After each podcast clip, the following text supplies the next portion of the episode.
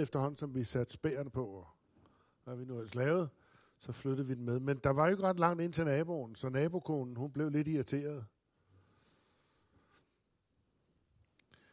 Så sagde hun, hvad er det for noget, I hører? Er det boksekamp?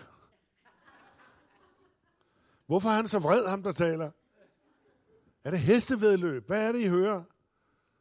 Så prøvede Johnson, som jo er meget, meget, meget diplomatisk, at forklare dig, at, at det var sådan noget kristent noget. Noget kristent noget. Hvorfor er han så så vred, sagde hun så. Jamen, det er, fordi han er begejstret. Så, så John, han prøvede at forklare konen, at det var, fordi han, han, han, han, han virkelig brændte for det her, som, han, øh, nu, som vi nu hørte på båndet. Øh, så John han fandt sådan en, en, en hurtig vending frem, der er noget i retning af, der hed, det er jo fordi djævlen, han er en ond djævel, og Gud, han er en god Gud. Derfor behøver han ikke at være så vred, sagde hun så. Nej, det måtte vi jo så vedgive, medgive hende. vi er øh, i den situation, at øh, vi er ude i noget helt grænseoverskridende, kan I nok se. Øh, den, den er ud over det hele. Kan I se det? Vi er nået til nummer syv, den sidste af grundpillerne i, i kristenlivet, og det er bøn. Vi tog en lille smule fat på det på lejren, øh, berørt den en lille smule, men for ligesom at være tro over for det, vi nu har startet her. Øh, på lejren var temaet min kirkefamilie. Og vi talte om det at have bøn i hjemmet, og bøn i husene, og hjemmemenigheder, og hvad det, hvad det har betydet for de første kristne.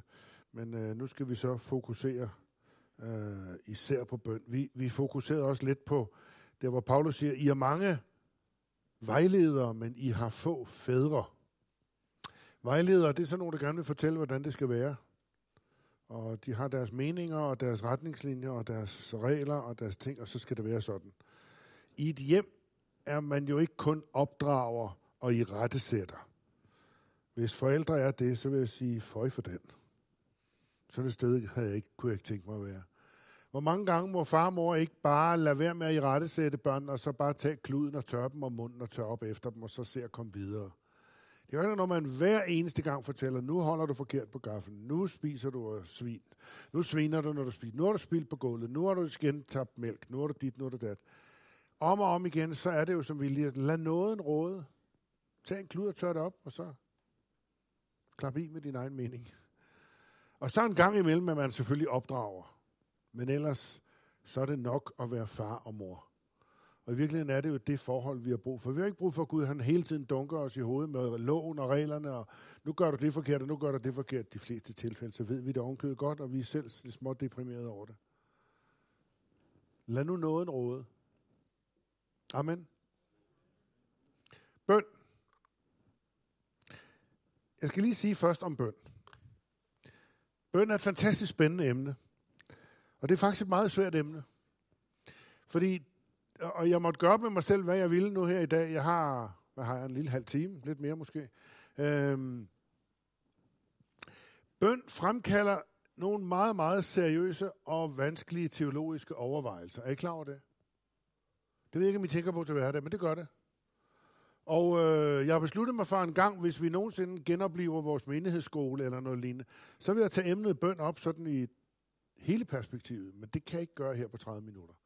Og jeg tror, jeg gør flere rundforvirret ved at starte øh, og forklare, hvordan øh, Bibelen ellers taler om bøn. Hvorfor er det vanskeligt? Det vil jeg nemlig gerne sige lidt om, så I ved, hvorfor jeg undgår det. Det gør jeg, fordi det er simpelthen svært. Lad mig prøve lige at stille bare et par enkelte spørgsmål. Er Gud almægtig? Amen. Er Gud alvidende? Godt. Ved han alt, hvad der vil ske i fremtiden? Har han besluttet alt, hvad der skal ske i fremtiden? Så siger nu, at nu begynder den allerede at blive mudret. Mumle, mumle, mumle. Det gør han, det gør han ikke, det gør han ikke. Godt. Den, den, altså, tanken, reformatorernes Luther, og især Calvin, han er, han er meget, meget, meget stærk på det her. Uh, han siger, at Gud er jo fuldstændig suveræn. Gud har besluttet alt, og Gud, har, Gud øh, ved det hele, og kan det hele, og gør det hele. Og... Nå, hvis det er tilfældet, og det vil det være for langt de fleste af os, et lille stykke hen ad vejen. Hvis det er tilfældet, hvad nytter det så at bede? Hvis Gud har besluttet det. Hvis Gud godt ved, hvordan det skal være, og han har bestemt sig, og han ved, hvad der vil ske. Hvorfor skal vi så bede? Kan I mærke det? Kan I mærke, nu begynder stolen at vakle lidt? Nu, nu, er den ikke helt så, nu er den ikke helt så solid. Det, den er slet ikke spor nemt, det kan jeg godt sige. Øh, og der, der, der, der, skulle længere tid, der skal længere tid til end, øh, end en halv time. Øh, hvad, er det, der, hvad er det, der spiller ind? Jamen, der spiller jo simpelthen det ind øh, om vores gudsforståelse. Det er derfor, det, det, det bliver seriøs teologi. Hvad er det for en Gud, vi tror på? Hvordan er han? Kan han alt, og vil han alt, og gør han alt? Nogle siger ja, nogle siger nej. Kunne man forestille sig, at denne suveræne Gud, som kan alt og ved alt, at han ville lægge bånd på sig selv og sige, det der, det vil ikke tage nogen beslutning om, det må de selv om. Kunne man forestille sig det? Nej, sagde en, og jo, sagde nogle andre. Da jeg var ganske ung, der hørte jeg sådan på lejre og sådan ungdomsmøder, ungdomsstævner og sådan noget, der hørte jeg om, at Gud havde den rette for os alle sammen at blive gift med. Den eneste ene. Ved I hvad, det tror jeg ikke på i dag. Jeg tror, der kunne have været mange eneste ene. Ikke, ikke at jeg kunne have været gift med mange eneste ene, men jeg tror ikke, det er så snævert, så vi bare skal lede efter den eneste ene. Det tror jeg ikke. Det tror jeg ikke tror, der var godt flere, det kunne lykkes med. Fordi det drejer sig om simpelthen at spille efter præmisserne. Og gør man det, så kan mange sammensætninger blive et rigtig godt ægteskab. Ikke kun fordi vi var et match i himlen, og det var os to, der skulle være, og ingen andre. Øh, det kan godt være, og det, det vil ikke angribe nogen, der har den indstilling til deres ægteskab eller deres partnervalg. Fint, hold fast i det. Men jeg tror også, der kunne være nogle andre varianter. Det tror jeg godt. I et af eksemplerne, som vi kommer til med et lille øjeblik, hvor Peter han bliver befriet af fængslet. Prøv at høre godt efter. Menigheden beder for Peter, at han er i fængsel. Gode Gud, fri ham ud af fængslet. Så bliver Peter fri ud af fængslet. Hvordan? Det kommer vi til om lidt. Men en engel, der fører ham ud af fængslet. Så kommer overbetjenten og fængselsvagteren, vogteren og jeg ved ikke, Herodes og Pilatus og dem alle sammen, og siger, hvad er der foregået her, hvor han blev af? Ja, mumle, mumle, og så ved vi ikke, og så var der stærkt lys, og så klappede døren, og så var han væk. Og så blev de henrettet. Så bønden om Peters frigivelse betød. Du kan da slet ikke være bekendt at bede om Peters frigivelse. Der røg 12 mand på den konto. Af med hovedet.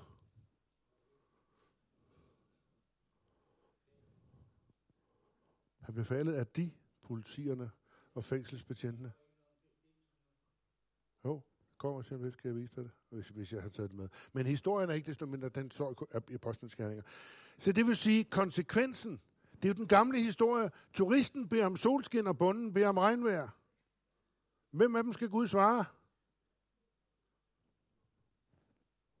Kan I se, hvorfor det er svært? Det kan blive meget mere kompliceret, men det vil jeg ikke bruge tid på.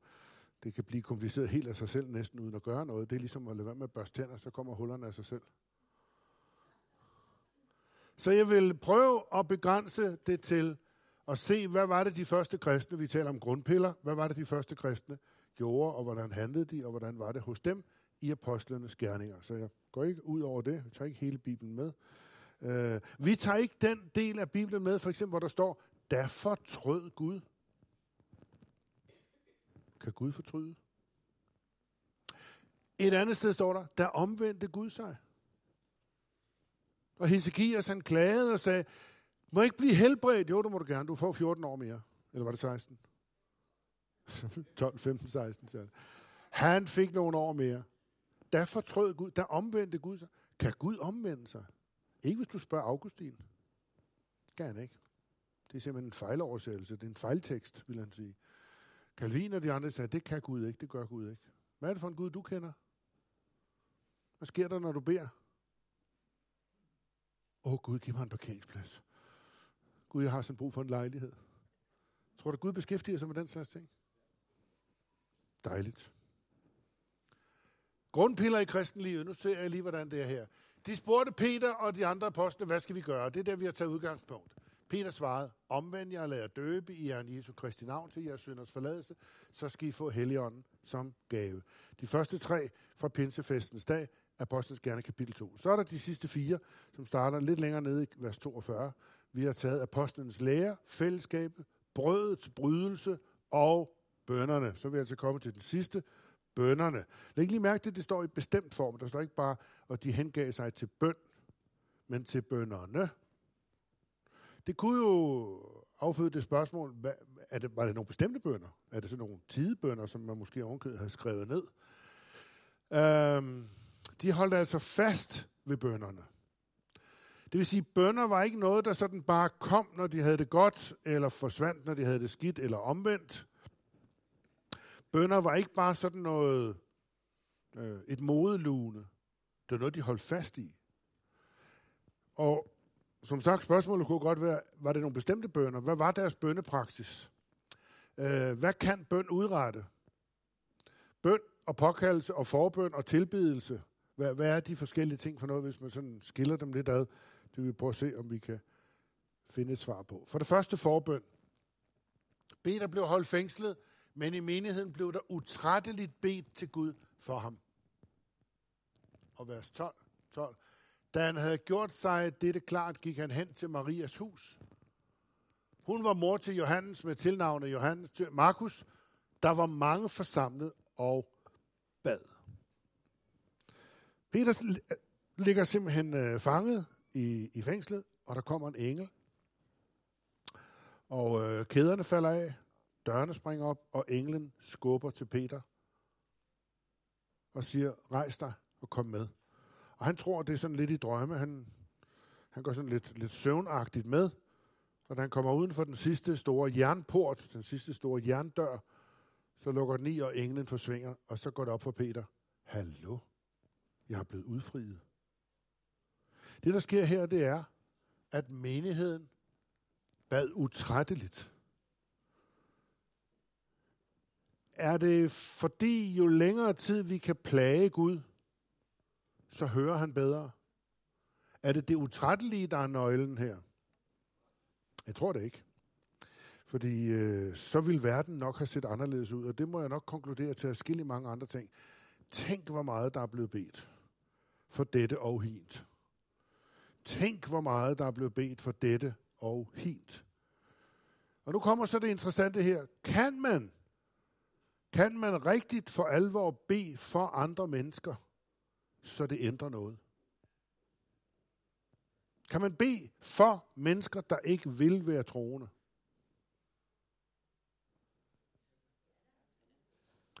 Kan man forvente, at de bliver troende?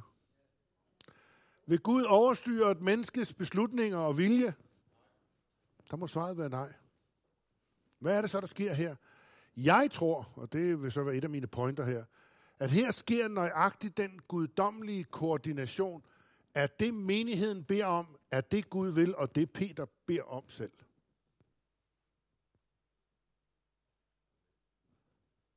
Der er ligesom nogle koordinater, der mødes. Kan I huske, jeg fortalte jer om min min, min, min sømandsoplevelse på Øresund, hvor vi skulle sejle hjem i en stormfuld nat. Jeg lærte den simple lektion.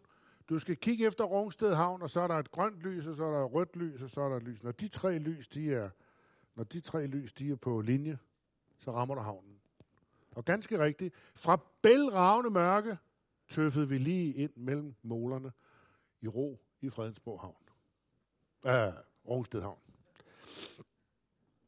Der er nogle principper, som jeg tror, vi kan lære af det her. De holdt fast ved bønderne, de bad, de blev ved med at bede. Der er ingen tvivl om, at Peter i sin ånd har været bedende, og Gud vil gerne udfri ham, og Gud sender en engel. Det er ligesom, der er nogle koordinater, der mødes, og så kan den guddommelige, det guddommelige virke ske i vores verden. Cornelius bøn og almisser. Det er sådan en langt de fleste bibelfortolkere, de går udenom, fordi den er rigtig urar. Hvorfor er den urar? Det skal jeg sige dig.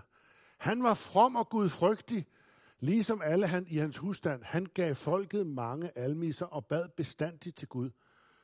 Han stirrede på englen og spurgte forfærdet, hvad, hvad er der her? Og englen sagde til ham, dine bønder og dine almiser er steget op til Gud. Og, hvad skal der så stå derhen? Og huskes hos ham. Jeg troede, øh, det var gratis. Jeg troede, det der med afbetalingen, det var afskaffet. Dine almiser og dine bønder. Hvad er det, der sker her? Er det, er det det virkelige budskab, der bliver låsket ind her nu? Det koster noget, venner. Vi har ikke sagt det fra begyndelsen, men nu siger vi det. Det koster noget. Hvad koster det? Blod, sved og tårer. Gud, Gud er da ligeglad med dit blod og dine tårer. Hvad er dine gyser nu? Og op med kleinerne. Må vi se portemonnaien? Kom så. Jeg har været til øh, gudstjenester i Afrika, hvor man holder 100 kroners kollekter. Det er mange penge i Afrika. Så der sejler man hele vejen op ad gangen.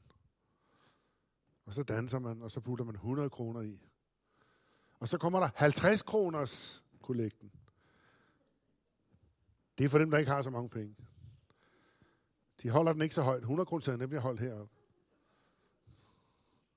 50 kroner bliver holdt hernede. Så er der 5 kroners kollekter. Det er for fattigrøvene. De kommer sådan luskende lidt op. Der er ikke nogen, der ser det. Så dækker de lidt for, og så putter de i, så ingen kan se, hvor meget de putter i.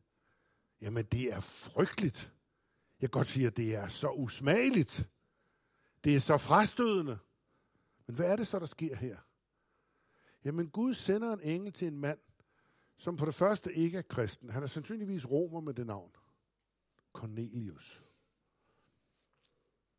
Han bad bestandigt. Vi ved ikke rigtigt, hvordan han har bedt.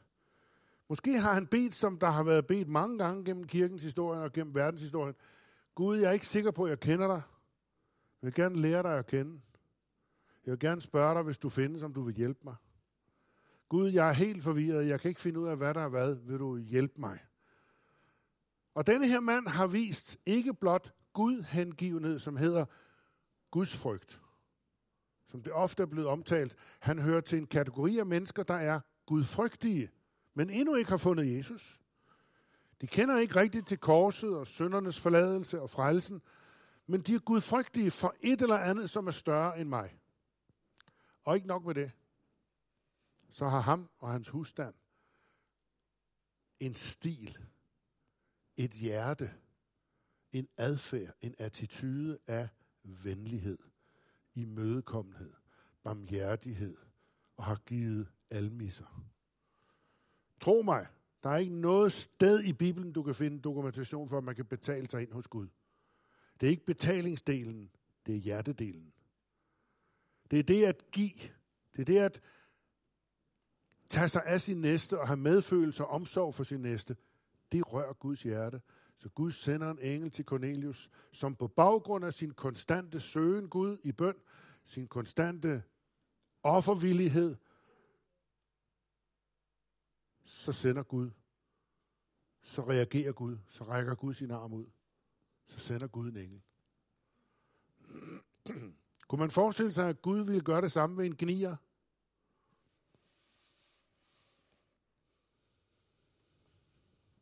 Der er noget med, altså princippet hedder hele vejen igennem Bibelen, som du sår, skal du høste. Som du giver. Smid dit brød på vandet, du vil finde det igen.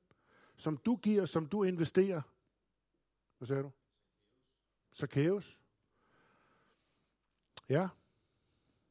Han var ikke bare en gnier, han var en grådig gnier, der havde udnyttet de andre og taget fra dem. Men omvendte sig og ville give fire gange tilbage.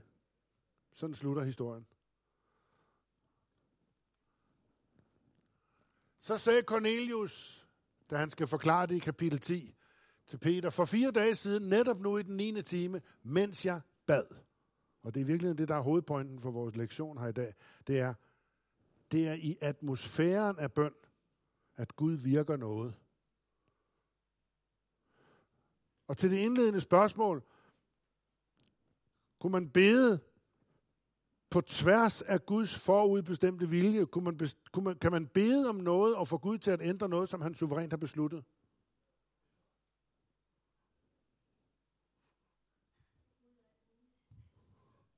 Ud af hvad? For Gud er alting muligt, det er rigtigt, men er det også det for os? Det, der sker, det, der sker, er jo, at Gud griber ind. Egentlig ikke på trods i det her tilfælde. Han griber ind et menneske, der søger ham, fordi Gud skal bruge det, der sker i det miljø. Gud skal have bragt evangeliet fra jøderne til hedningerne og udvælger Cornelius til at være connection. Men læg mærke til, det er i atmosfæren af bøn, at Gud virker. Det er i atmosfæren af bøn, at du måske finder ud af, at det, du beder om, det er helt skævt. Det er det, den gode gamle hippie-sang med Janis Joplin, den handler om. Oh Lord, won't you buy me a Mercedes-Benz? My friends all drive Porsche. Men hvad for noget, Katrine?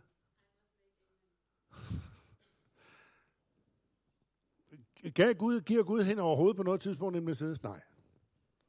Har jeg bedt om nogle fjollede ting, om ikke en Mercedes, så nogle andre fjollede ting? Ja, det har jeg.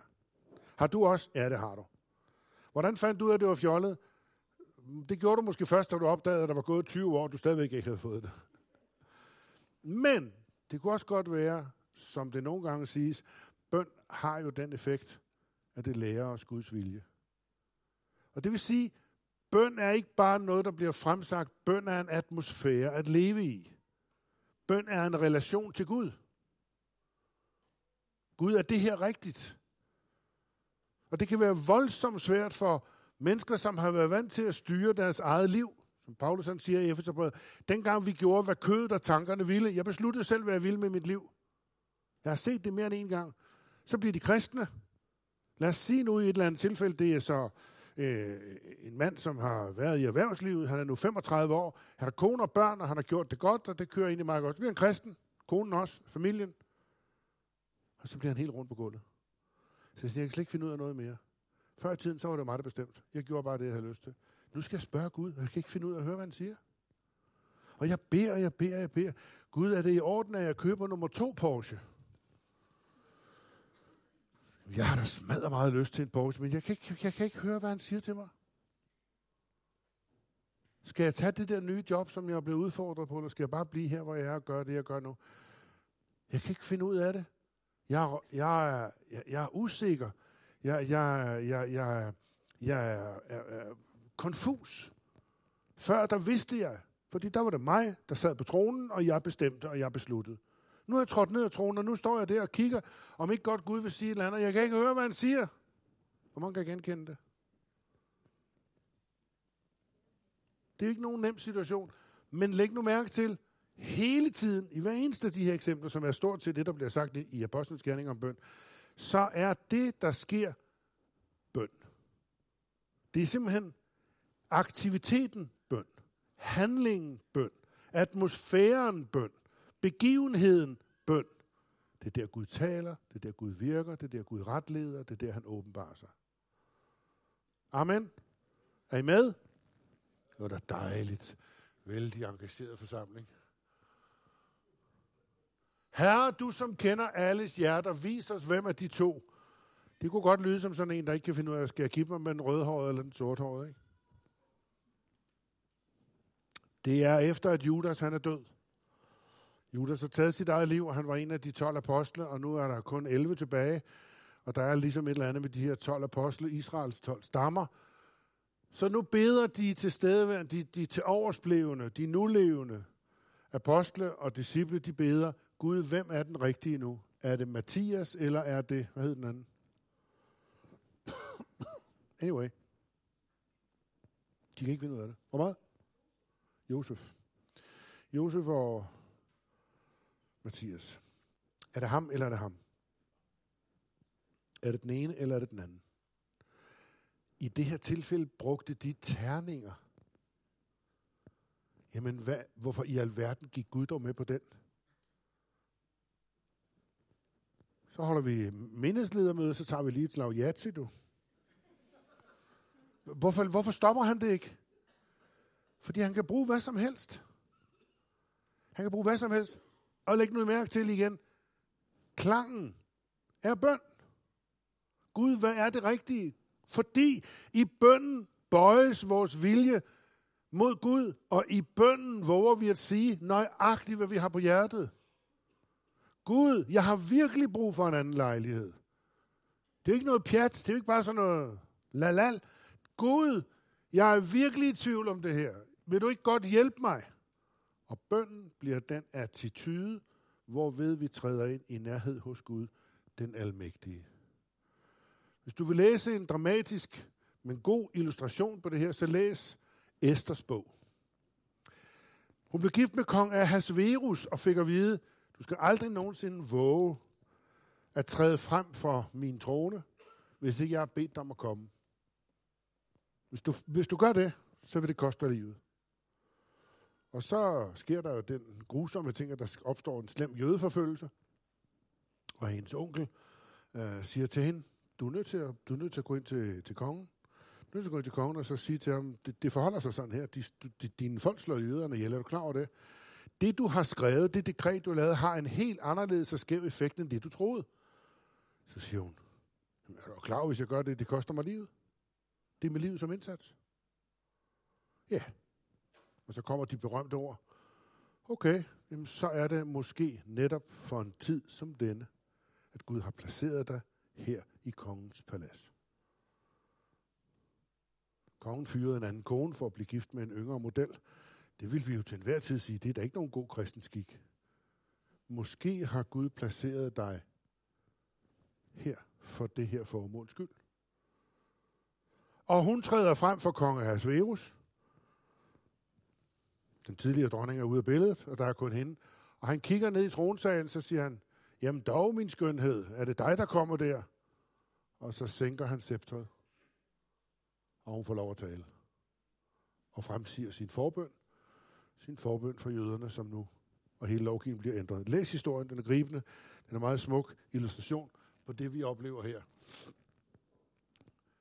Mens de, de vælger så Mathias på baggrund af den her, øh, de kaster lod, af kapitel 7, så stenede de Stefanus, mens han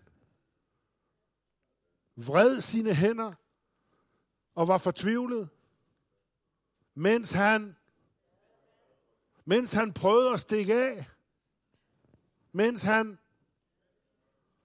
Gode Gud, er det sådan her, du har tænkt dig, min tjeneste den skulle ende? Gud, var det, var, var det det, jeg fik lov at udrette her i livet? Det var fantastisk. Tak for det. Jeg vil gerne have set mine børn vokse op. Jeg vil gerne have oplevet, bum, den første sten, bum, den anden sten. Men øjeblikkeligt, da trængselen klemte ham, går han ind i et mode af bøn. Han tænder simpelthen for bønsknappen. Han går simpelthen i bøn, i samtale, i hengiven overgivelse til Gud, den almægtige, alt imens stenene ramler ned over ham. Og mens han bad, Herre Jesus, tag imod min ånd. Kapitel 8. Da de kom derhen, bad de for dem om, at de måtte få Helligånden. Vi har lige hørt det fra teamet fra Letland. Vi oplevede en, som simpelthen bare havde brug for noget mere Helligånd. Og det tror jeg er fuldstændig rigtigt set. Jeg tror, det er det, der er det største problem i verden. Verden har brug for mere helligånd. Det er genialt set, ikke? Kan I godt høre det? Der er ingen andre, der har tænkt den tanke før mig. Kapitel 20. Da Paulus havde sagt det, knælede han sammen med dem og bad. Kapitel 20, det er sammen med de ældste på stranden i Milet. Så selv på stranden, efter de har spist og drukket og talt om menighed og fremtid og mission, så siger han, godt, lad os skilles. Og så bøjede de deres knæ. Da jeg kom til England som ganske ung dreng for at være på, på college derovre en tid, så, så, så lagde jeg mærke til noget meget interessant. Hvert måltid blev der bedt både før og efter måltidet. Når vi satte os i en bil for at køre et eller andet sted hen, så blev der bedt. Og det store ord her, det var traveling mercy. Det har jeg aldrig hørt før. Det kendte jeg ikke. Rejsebarmhjertighed. Rejse noget. Traveling mercy. Oh God, grant us traveling mercy. Så det var da en fed ting. Jeg har tit og meget ofte benyttet det selv, når vi starter på en eller anden tur med familien, eller ferie, eller skal et længere sted. Gud, pas på os og pas på de andre på vejene. Traveling mercy. Og der var mange anledninger, hvor jeg lagde mærke til, at mange af de her gamle kristne, de, de, de bad som en adfærd, som en opførsel i deres hverdag. Lige, lige inden vi går ud af døren, lad os lige bede. Så stod vi lige stille et øjeblik, og så bad vi, og så gik vi. Jeg husker, jeg var med min far og mor i, i Italien engang, og så på vej ned besøgte vi en engelsk pastor i den nordlige del af Italien. Og så skulle vi bede, og øh, da vi havde drukket kaffe og skulle til at gå, så, skulle, så bad vi. Og manden, faren i huset, han bøjede knæ ved sådan en klaverstol, og min mor satte sig ned et sted, og min far bøjede knæ. Og så var der to andre damer, og de var fuldstændig fortvivlede, for de havde ikke noget at dække deres hoved med. Så der stod en potteplante, der var lige et slag nedenunder, og så lå der en papirserviet op på hovedet, og så bad vi, og så gik dagen videre. Hører I, hvad der jeg siger? Det er ikke tvangsfyldt adfærd. Det kan godt være, at det nogle gange kan komme til at se lidt rutinepræget ud. Det kan godt være, at det nogle gange kommer til at se... Men det handler om hele tiden at invitere Gud ind i vores verden. Luk op til den der bøns dimension. Hvor du nærmer dig Gud, og Gud nærmer sig dig. Det er fuldstændig det, vi har sunget om. Lad nådens tid råde. Han løber os i møde, fordi han vil gerne være med i din verden. Giv ham pladsen til det. Giv ham tiden til det. I hver menighed udpegede de derpå ældste for dem, og efter bøn og faste overgav de dem til Herren og lagde hænderne på dem og velsignede dem. Det er sikkert det, der står. Vi kan også læse det op. Så, øhm, ja. Nej, det kan jeg ikke. Så overgav de dem til Herren, som de jo kommet til tro på. Det var ikke bare en formel ting, sådan, det var ikke bare en rituel ting, det var ikke bare en autoritativ, administrativ ting, at de lagde hænderne på dem. De bad. Er I ved at fange den? Bøn og helbredelse. Regina, så kan jeg godt efter. Peter sendte alle udenfor, så faldt han på knæ og bad, og vendte sig mod livet og sagde, Tabitha, stå op. Så åbnede hun sine øjne og satte sig op. Han gik jo ikke bare ind og helbredte. Han gik ikke bare ind og lagde hænder på. Han indvidede sig.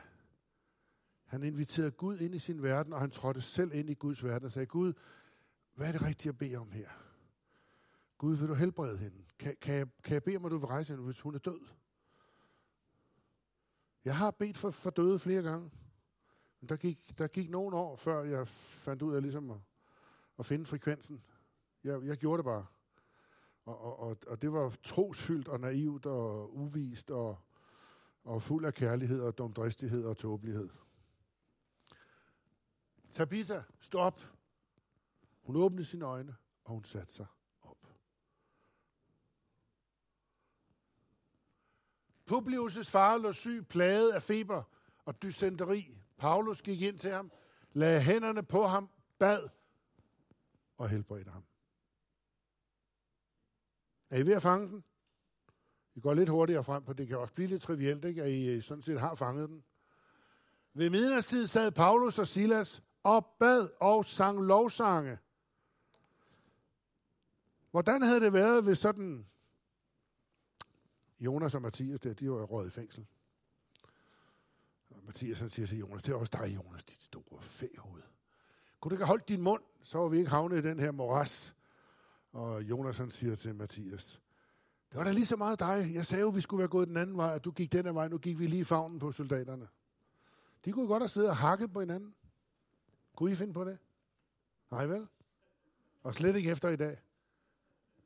De bad. Kære Gud, tak for min bror, som jeg får lov at sidde sammen med her i fængslet. Tænk, hvis jeg skulle have været alene i fængsel. Det havde været en trist affære. Gode Gud, hvad ved du med det her? Gud, hvad skal det her bruges til? Jeg hørte, og har mere end en gang hørt historier om et fængsel, henholdsvis i Nordjylland, og dernede ved Afrikas, hedder det Gambia og Namibia, den vej ud, Der ligger nogle øer der udenfor. Der var et meget, meget stort fængsel. Hvor meget?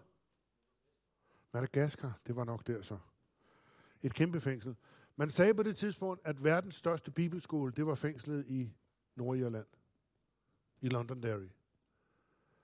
Det var proppet med så mange tusind mennesker, der havde været den ene vækkelse efter den anden, og de havde bibelstudier, de havde bibeltimer, de havde gudstjenester, de havde lovsang. Der var simpelthen så mange kristne i fængslet. Og det samme galt fængslet dernede i Madagaskar. Øh, de havde ved en fejltagelse fængslet en kristen. Det skulle de aldrig have gjort. Han vidner om Jesus alle vejen, og de blev kristne alle sammen, og de blev helbredt, og der var vildt på styr. Fordi de, de, de, de, var, de var så venlige, og alle fangerne de blev fuldstændig forvandlet, og de talte pænt, og de ville ikke slås mere, og nu ville de også til at være nogle ordentlige mennesker. Det er jo noget frygteligt, når Jesus rykker ind i menneskers liv. Men læg mærke til, Gud er parat til at gøre det i en hvilken som helst situation. Ved midnatstid sad Silas og Paulus og bad sammen. Og indimellem har de sunget. Og de har sunget lovsange. Fordi den her bøn og lovsang er en atmosfære. Det er, en, det, det, det er ikke bare en stemning, det er en livskvalitet, som er i den kristnes liv. Derfor holdt de fast ved bønderne. Bøn er frekvensen, hvor Gud taler. Herren sagde til øh, ham, og det er den gamle kæmpe der i byen, Rejs dig og gå hen i den lige gade og spørg i Judas' hus efter Saulus fra Tarsus, for han sidder og bladrer i den lokale telefonbog. Han beder. Du kan regne med at få kontakt med ham, for han beder. Han har lige lært det. Han kender kun de jødiske bønder, men nu er han ved at opdage de bønder, der er ved Helligånden til Jesus Kristus. Jeg opholdt mig i Jobbe, kapitel 11, giver Peter rapport. Jeg opholdt mig i Jobbe, og mens jeg bad, faldt jeg i henrykkelse og havde et syn. Jeg siger, det er hele tiden bønden, der er nøglen ind til det. Det er hele tiden bønden, der lukker op. Det er bønden, der lukker dørene op. Det er bønden, der fører dig ind i den der anderledes troens og åndens verden. I fængsel, i hjemmet, på rejse, oppe, nede, ude, inde. Fællesbøn. Efter løsladelsen gik de hen til deres egne. Øhm, da de hørte det, så opløftede de alle som en deres røst og bad. Herre, du som har skabt himlen og jorden, og havet med alt, hvad det rummer. Du har sagt det ved Helligånden gennem dine tjenere, hvor fader David, hvorfor folkeslagene i oprør, hvorfor lader folk, hvorfor lader folkene planer, lad der ikke lade lykkes, jorden så videre. Jeg er nødt til at læse dernede, det er for småt. De citerer salme 1, salme 2 øh, i det her. Det jeg vil gerne sige med det her, det er, der er også en kollektiv dimension af den her bøn. Der er en kollektiv opløftelse. Det kan godt være, at det, det forsvinder en lille smule ved lovsangen. Jeg ved ikke, om I lader mærke til, at i lovsangen i dag var der en pause sådan midt i, hvor der måske var lidt, lidt stillhed, hvor man godt kunne have haft måske bønder, som ikke var sange. Det kunne, det kunne godt have vekslet. Det kunne også bare have været meditation over de sange eller melodien, som man ville fortsætte, og så derfra gået tilbage til lovsangen. Men læg mærke til, den kollektive dimension beder ikke om ret meget i det her tilfælde. Lovsang og tilbedelse er ikke forbøn. Det er også derfor, det virker lidt kluntet nogle gange, undskyld, jeg siger det. Når nogen, hvis der bare er en lille smule stillhed i bønden, så pludselig begynder de at bede for et eller andet. Vi beder også for søster sådan og sådan, som er syg. Jeg tænker, er du ikke klar over, hvor vi er henne nu? Vi er midt i en tilbedelse. Vi er midt i en ophøjelse af Gud, den almægtige storhed. Vent lige et øjeblik med at komme med vores behov. Vent lige lidt med at komme med de ting, du har på hjertet og bede om. De kan være nok så vigtige og nok så presserende og ægte nok. Men vent nu lige, forstå nu lige, hvor vi er. Øh, hører I, hvad jeg siger?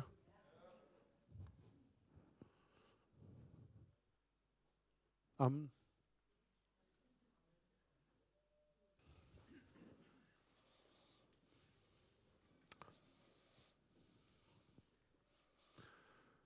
Disciplene spurgte Jesus, og den har jeg jo slet ikke taget noget med om, det må komme en anden dag. De spurgte Jesus og sagde, lær os at bede. Og han lærte dem fader vor. Kunne man forestille sig, at vi kollektivt som menighed sagde til Gud, Gud, lær os at bede. Lad os at blive bedre til at bede. Lad os til at være gode til at komme ind i den frekvens, hvor Gud sender. På den frekvens, hvor Gud sender. Kom ind i det rum, hvor Gud er, hvor bønden lukker op for troen til åndens vej. Kunne man forestille sig det? Jeg tror det. Kan vi ikke lige bede kort lige et lille øjeblik i nye tunger alle sammen? Hvis du ikke har gjort det før, så gør det bare nu. Det er ikke noget, der er ikke noget problem. Helligånden er til rådighed. Bare slip det løs. Tibarose belebe begudia le bressa bambolo no dinikiti. Liba la mandone bele beriolo brosso doro potiniki.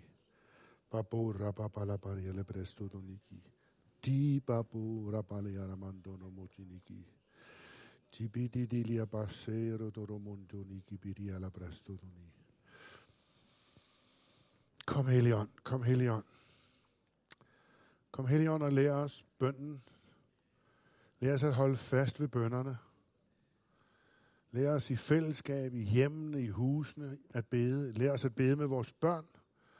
Lær os at bede med venner og naboer. Lær os at bede for familie og kollegaer, venner og bekendte.